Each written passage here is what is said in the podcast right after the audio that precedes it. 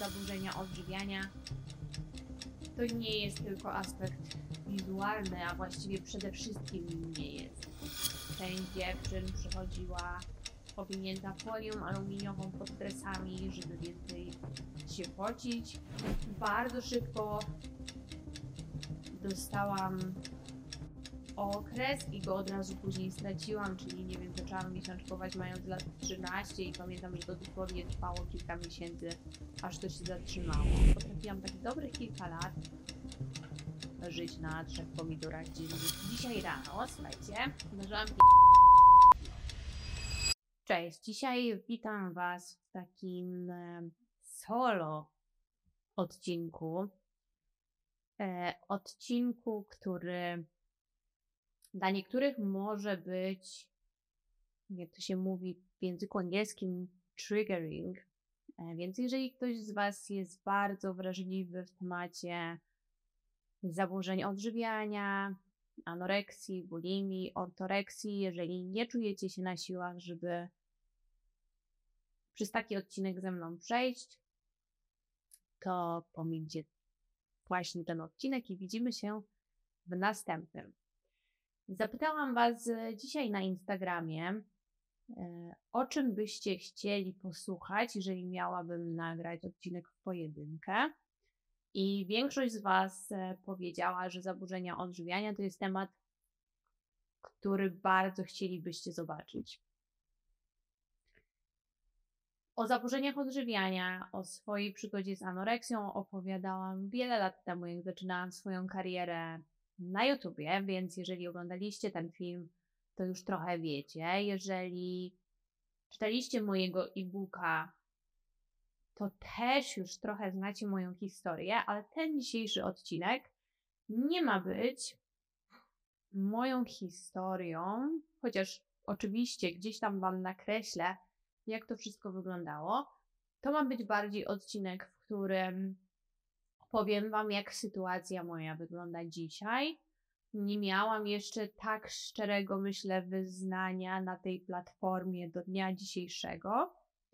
I jednocześnie chciałabym nie jako terapeuta, nie jako specjalista, nie jako ktokolwiek, kto jest wykształcony, bo to chciałabym podkreślić pod kątem pomocy przy zaburzeniach odżywiania, tylko jako ktoś, kto przez nie przeszedł bądź przechodzi w jakimś stopniu.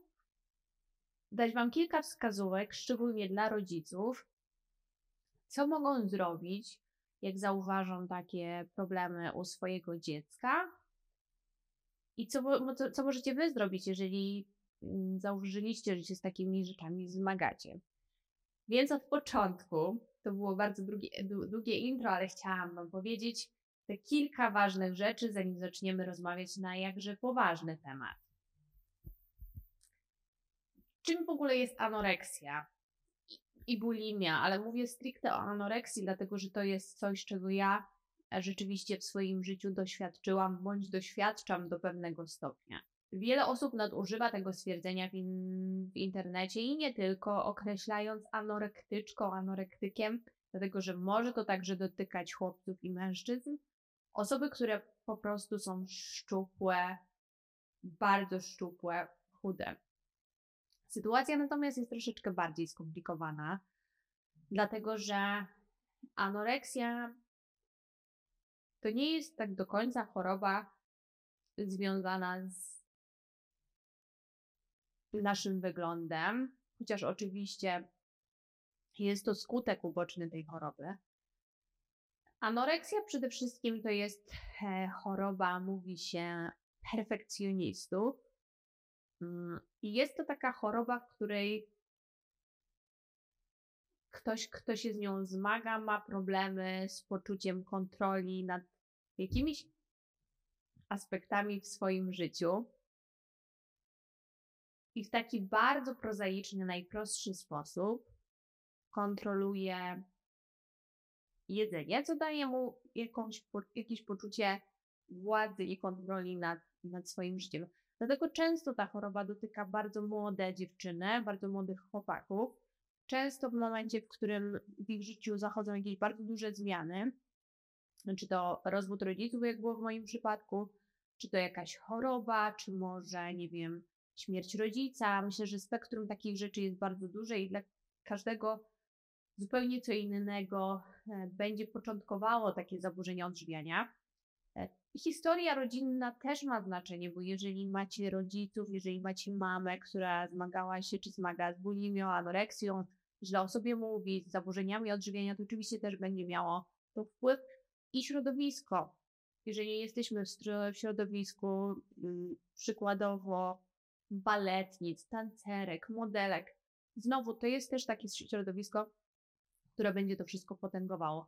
Ale to, co chciałam podkreślić, przez wzgląd na to, jak bardzo często ja się spotykam z określeniem anorektyczka ze względu na to, jak wygląda, że anoreksja i zaburzenia odżywiania to nie jest choroba ciała. Ja bym to mimo wszystko nazwała chorobą duszy, jak bardzo dramatycznie by to nie zabrzmiało.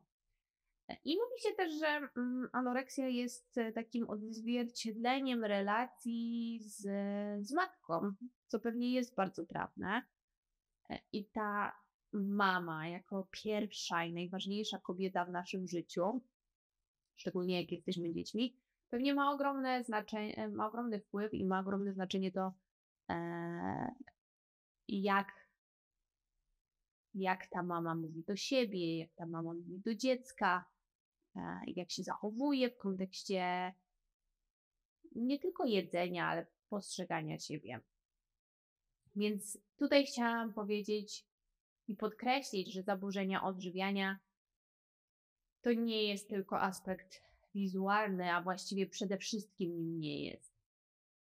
I dlatego jest to też taka poważna choroba, dlatego że wszystkie choroby, które są chorobami e, psychicznymi, a jest to choroba psychiczna, jest to zaburzenie, to są takie choroby, których do końca nie widać na pierwszy rzut oka. I anoreksji też nie widać, i bulimii, i ortoreksji na pierwszy rzut oka. Co więcej, są osoby, które mają myślenie anorektyczki, bulimiczki, ale nie są skrajnie chude.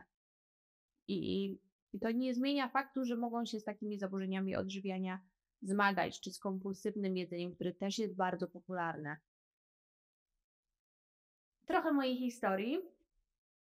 Mm. Ja na anoreksję zaczęłam chorować mając lat 13, 12-13. Jeżeli chcecie bardziej szczegółową historię, to możecie przeczytać mojego e-booka. Ja tam wszystko bardzo skrupulatnie opisałam. To dlaczego zaczęłam chorować? Tak jak powiedziałam na początku, myślę, że właśnie miało bardzo szerokie spektrum. Mając lat 13, moi rodzice mm, się rozwodzili. I mimo tego, że wtedy wydawało mi się, że to nie była tak wielka zmiana w moim życiu i nawet pewnie z perspektywy czasu powiedziałabym, że jest to najlepsze, co mogło mi się przytrafić. Mm, jednocześnie bardzo profesjonalnie tańczyłam i byłam w środowisku, w którym mówiło się bardzo otwarcie o tym, że jesteś za gruba, powinnaś schudnąć. Do dnia dzisiejszego pamiętam sytuacje, w których część dziewczyn przychodziła powinięta folią aluminiową pod dresami, żeby więcej się pocić, co z perspektywy czasu znowu wydaje się absurdalne, bo to, że ktoś się więcej spoci, nie znaczy, że szybciej schudnie. Ale ta presja na ten idealny wygląd była tam bardzo obecna i nie była w żaden sposób ukrywana. Co więcej, ona była bardzo ostentacyjna. To nigdy nie było na takiej zasadzie, że trener czy osoba odpowiedzialna e, za nas brała cię na stronę i mówiła ci: Słuchaj, Ania, zauważyłem, że w ostatnich tygodniach przytyłaś, powinnaś schudnąć 3 kilo. Nie, to był taki prawdziwy body shaming w obliczu wszystkich dookoła.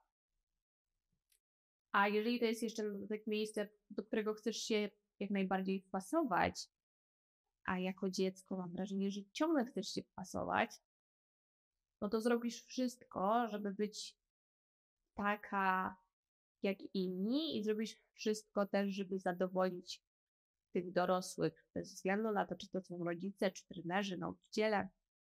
dalsza rodzina. Więc to był drugi aspekt. A trzeci aspekt to była szkoła. Szkoła, która się myślę przez wiele lat nie zmieniła, jeżeli się zmieniła, to na gorsze. I znowu ten taki body shaming i taka mm, umiejętność wytykania przez dzieci i rówieśników dokładnie tych rzeczy, w których i tak jesteś mało pewny siebie. Mm. A, ale też takich, o których nigdy nie pomyślałeś sprawia, że zaczynasz się nad nimi zastanawiać. I szczególnie w gimnazjum e, ja przeszłam przez taki bardzo trudny okres, w którym starsze koleżanki dość mocno e, się nade mną znęcały. Wytykano mi, że mam grube nogi, wytykano mi, że mam krzywe zęby. Łydka wyspędzie. Wtedy był e, czas, słuchajcie, fotoblogów, nie było Instagrama. I pamiętam, jak jedna z pseudo-koleżanek mm, założyła specjalnie stronę, na której publikowała moje zdjęcia i mnie pośmieszała, co by nie tak. I pewnie dzisiaj, mając lat 33, a może nie pewnie, tylko na pewno, e, zupełnie inaczej bym sobie z tym poradziła niż wtedy, ale wtedy kumulacja tych wszystkich rzeczy sprawiła, że pamiętam jak dzisiaj czytałam ten opis pod tym zdjęciem na tym fotoblogu. To jeszcze był czas takich starych, słuchajcie, pecetów, komputerów i siedziałam w swoim takim pokoju z niebieską kanapą. Y, to wspomnienie jest tak realne y, i tak obecne dzisiaj, a nie ukrywam, że nie mam jakiejś super pamięci, słuchajcie, z dzieciństwa. Ale to konkretne wspomnienie jest bardzo realne i pamiętam tą myśl, okej, okay, to przestaje jeść. I to była taka mm, bardzo świadoma decyzja, świadoma i nieświadoma. E, I tak to się zaczęło i zaczęłam najpierw, słuchajcie, ograniczać jedzenie w sposób taki, że nie wiem, zaczęłam jeść trzy jogurty dziennie, Oczywiście zaczęłam chudnąć, jedząc trzy jogurty dziennie. Nie ma innej możliwości, szczególnie jeżeli jesteś nastolatką, która rośnie i się rozwija. Bardzo szybko dostałam okres i go od razu później straciłam, czyli nie wiem, zaczęłam miesiączkować mając lat 13 i pamiętam, że to dosłownie trwało kilka miesięcy, aż to się zatrzymało to już było znaką, że coś się dzieje niedobrego. Um, później jogurty zamieniłam, słuchajcie, na surówki, później surówki na pomidory i potrafiłam tak dobrych kilka lat żyć na trzech pomidorach dziennie, to wydaje się w dniu dzisiejszym absolutnie absurdalne, niemożliwe i, i ćwicząc jeszcze wtedy bardzo intensywnie, nie wiem szczerze powiedziawszy, jak jak byłam w stanie funkcjonować, ale jednocześnie jak w ogóle przez tyle lat e, ja to przeżyłam i nie, na tamtym etapie nie miałam żadnych większych skutków ubocznych, jeżeli chodzi o swoje zdrowie i wyniki badań. E, I tak to trwało i to trwało dobrych parę parę lat, bo zaczęło się mniej więcej jak miałam 13 lat. Jak miałam 17 lat, byłam hospitalizowana to, że poszłam mm, do szpitala, było moją decyzją, którą podjęłam samodzielnie. To nie była interwencja żadnej osoby starszej. I to nie ma być absolutnie podcast ani rozmowa pełna zarzutów pod kątem, pod adresem swoich rodzinów, e, rodziców, bo nie po to płacę, słuchajcie, 200 zł tygodniowo na psychoterapię, żeby mając jeszcze teraz lat 33 obwiniać o to swoich rodziców, ale na pewno mogli wiele rzeczy zrobić inaczej. Myślę, że byli bardzo zaabsorbowani swoimi własnymi problemami. Myślę, że tak strasznie dużo się działo w ich życiu, że nie do końca mieli przestrzeń na to, żeby się zajmować. E, wiadomo, że się zajmowali dziećmi, ale nie mieli przestrzeni do tego, żeby tą energię swoją poświęcać na coś tak e, bo walka czy z anoreksją, czy z bulimią, czy z depresją, czy jakąkolwiek osobą zmagającą się z chorobami psychicznymi, myślę, że jest bardzo trudna i pewnie najlepiej wiedziałby o tym mój mąż. I nie wiem, jak to jest żyć z osobą, która e, choruje na depresję, anoreksję, czy inne zaburzenia odżywiania, albo jeszcze inne problemy natury psychologicznej. A może wiem, tylko trochę z innej perspektywy, bo, bo gdzieś tam osoby, które mnie otaczały w dzieciństwie, na pewno się z pewnymi rzeczami zmagały. W szpitalu byłam kilka tygodni, szczerze mówiąc, nawet nie jestem w stanie określić, jaki to był mniej więcej czas, gdy trafiałam do szpitala i to jest ważna informacja, dlatego że w tym podcaście ja Wam pierwszy raz powiem o tym, ile waży dzisiaj, ile przytyłam w ciąży, wytłumaczę, dlaczego w końcu o tym mówię e, i, i o tym, jak moja sytuacja z jedzeniem wygląda dzisiaj. E, I trafiłam do szpitala, ważyłam około 40 kg przy wzroście 1,68 m. Byłam skrajnie wychudzona i jeżeli zapytacie mnie o zdjęcia z tamtego okresu, to ostatnią rzeczą, jaką chciałam w tamtym momencie robić to zdjęcia, nie mówiąc już o tym, że nie była to jeszcze era iPhone'ów i smartfonów. E, więc takich zdjęć nawet nie posiadam. I trochę szkoda, a może z drugiej strony nie chciałabym wcale tego oglądać. Mm, pamiętam tylko, że z takich ekstremalnych sytuacji dzisiaj się z tego śmieję, ale to jest tragiczne.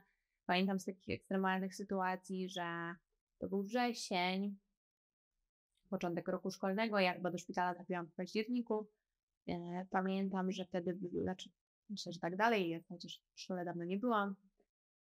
E, były drewniane krzesła. Nie wiem, czy się coś w tym temacie zmieniło i nie byłam w stanie w tych krzesłach siedzieć, bo e, było to dla mnie tak bolesne, jakby moje kości były tak wystające, E, że jeżeli nie miałam bardzo długiego swetra pod pośladkami, e, to, to był taki ból dla mnie nie do przejścia. Pamiętam, jak jeździłam już wtedy na ostatnie obozy mm, ze swoją grupą taneczną i oczywiście to oznaczało wspólne jedzenie i potrafiłam wynosić kotlety w kieszeniach spodni bo w domu nie musiałam się ukrywać z tym, że mam zaburzenia odżywiania. Nie wiem, na ile to mm, rzuca bardzo złe światło na moje życie rodzinne. I, i ja też nie zamierzam go w żaden sposób wybielać. Mm, nie chcę też w tym podcaście mówić o swoich rodzicach ani swoim rodzeństwie, bo to nie moje miejsce. Ale było u mnie takie niepowiedziane na głos przyzwolenie w domu do tego, żeby nie jeść. I teraz dla wszystkich rodziców, którzy mają dzieci, u których założyli mm, problemy z jedzeniem, czy jakiekolwiek oznaki zaburzeń e, odżywiania, nie zrozumcie mnie źle. Jeżeli moi rodzice by mnie posadzili przy stole i kazali mi jeść i powiedzieli, dopóki nie zjesz, to nie odejdziesz sto e, od stołu, mimo że nigdy tego nie zrobili, to ja i tak bym nie zjadła. Ale tu nie chodzi nawet o, o to, żebym zjadła czy nie zjadła, tylko chodzi o sam gest. I z perspektywy czasu tak sobie myślę, że szkoda, że takiej sytuacji nie było i to tylko i wyłącznie dlatego, że miałabym takie przynajmniej poczucie, że ktoś coś próbował robić. A takiego poczucia nie miałam i wydawało mi się, że jestem wystawiona sama sobie. Więc nawet jeżeli robicie rzeczy, które macie wrażenie, i to mówię do rodziców, że nie przynoszą żadnych efektów, to yy, mogę Was zapewnić, że za wiele lat, jak Wasze dziecko będzie już dorosłe, będzie o tym pamiętało, że próbowaliście, a czasami próbowanie to jest jedyna rzecz, jaką możemy zrobić.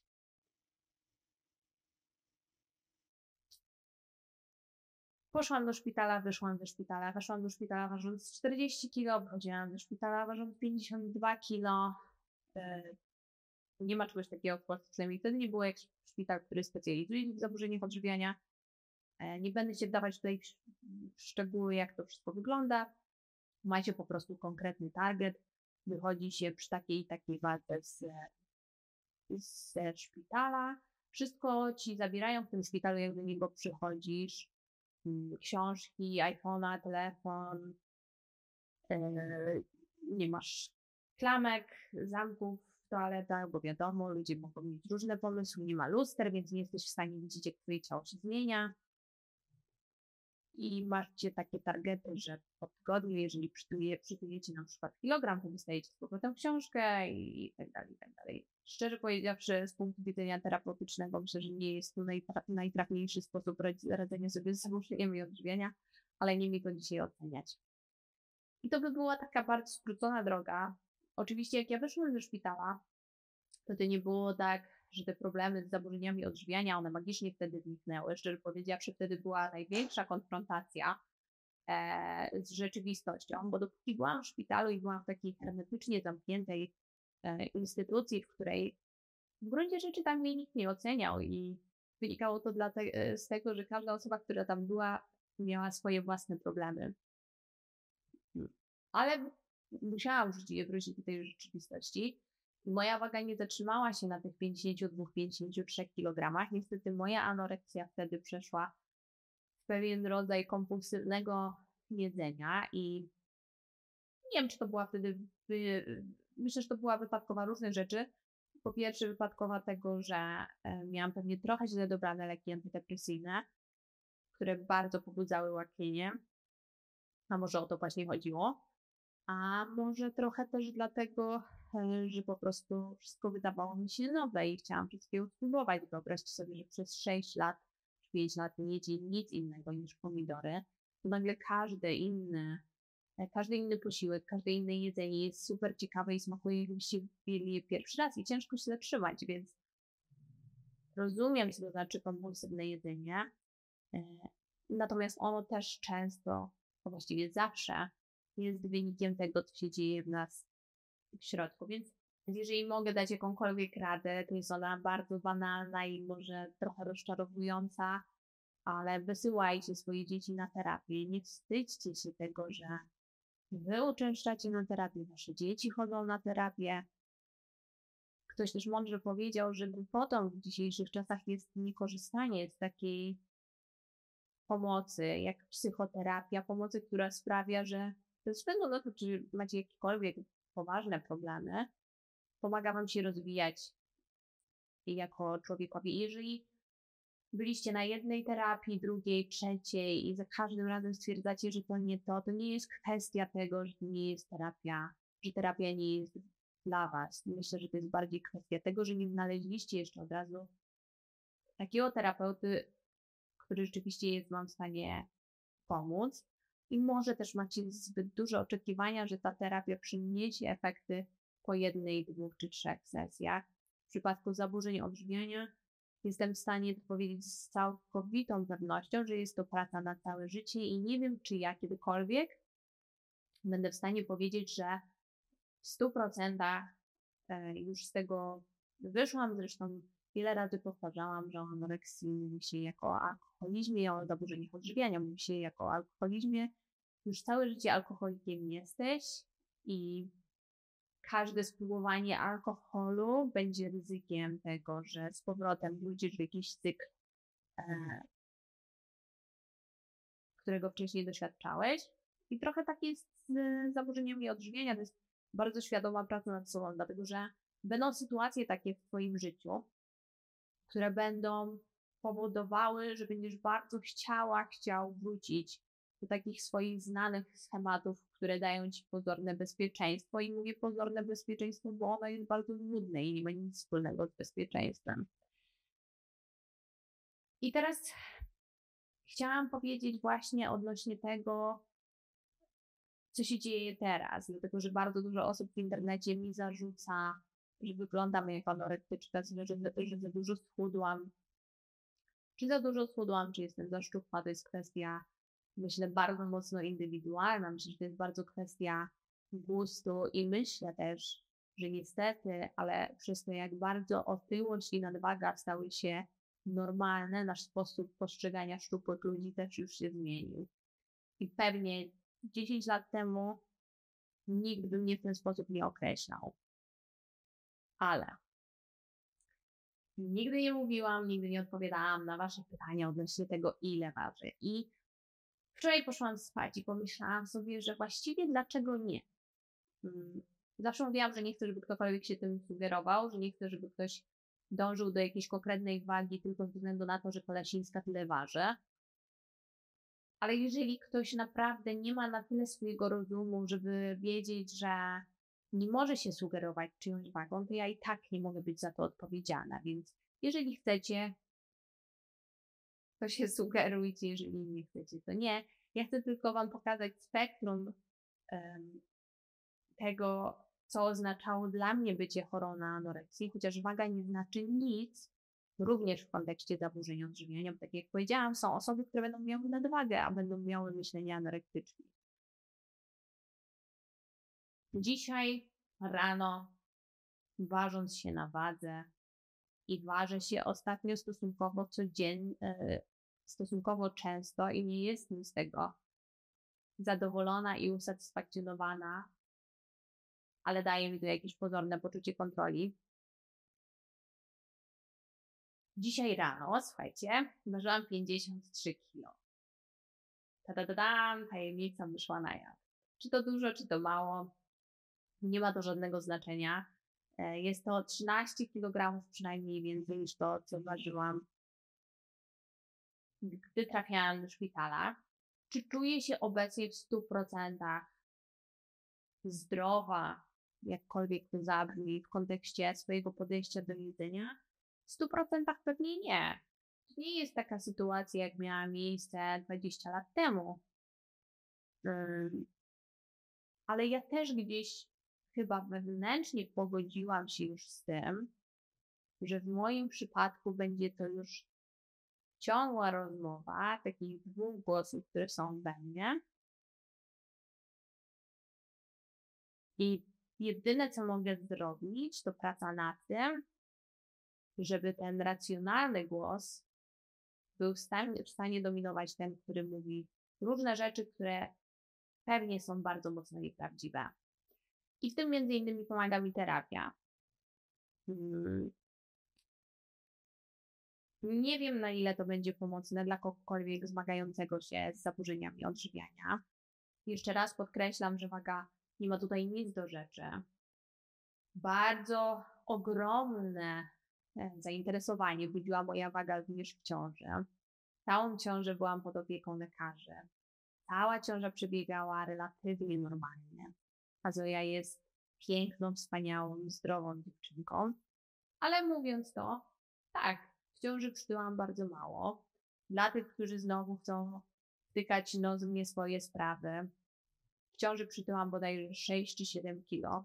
To jest naprawdę mało, ale jednocześnie ciąża była bardzo zdrową ciążą.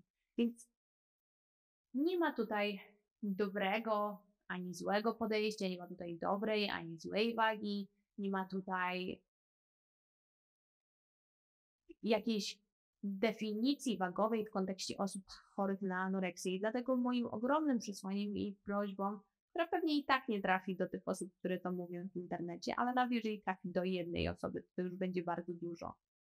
Nie nazywajcie ludzi, którzy są szczupli, anorektykami, dlatego że osoby, które się zmagają z anoreksją, zmagają się naprawdę z bardzo ciężką chorobą, a to, że ktoś jest szczupły, może po prostu taki jest.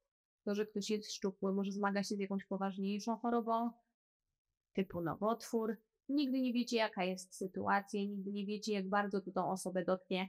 I e, myślę, że jedyne, co możemy zrobić, to skupiać się na tym, żeby pracować nad sobą, mniej się porównywać do innych ludzi dookoła, i pamiętać, szczególnie jeżeli jesteśmy rodzicami, że nie mamy może 100% wpływu na to, jakim dzieckiem, jakim dorosłym będzie nasze dziecko. Ale pamiętajcie tylko o tym z perspektywy dorosłej 33-letniej Ani, że to dziecko na pewno będzie pamiętało o tym, czy oni walczyliście, czy trochę nie mieliście na to przestrzeni w swoim życiu, a może odwagi, a może się baliście, a może nie wiedzieliście. A jeżeli nie wiecie, to zawsze warto zapytać. Także tym pięknym akcentem, akcentem kończę ten dzisiejszy odcinek. On był dużo dłuższy i tak niż przewidywałam. I do usłyszenia w następnym. Na razie, cześć.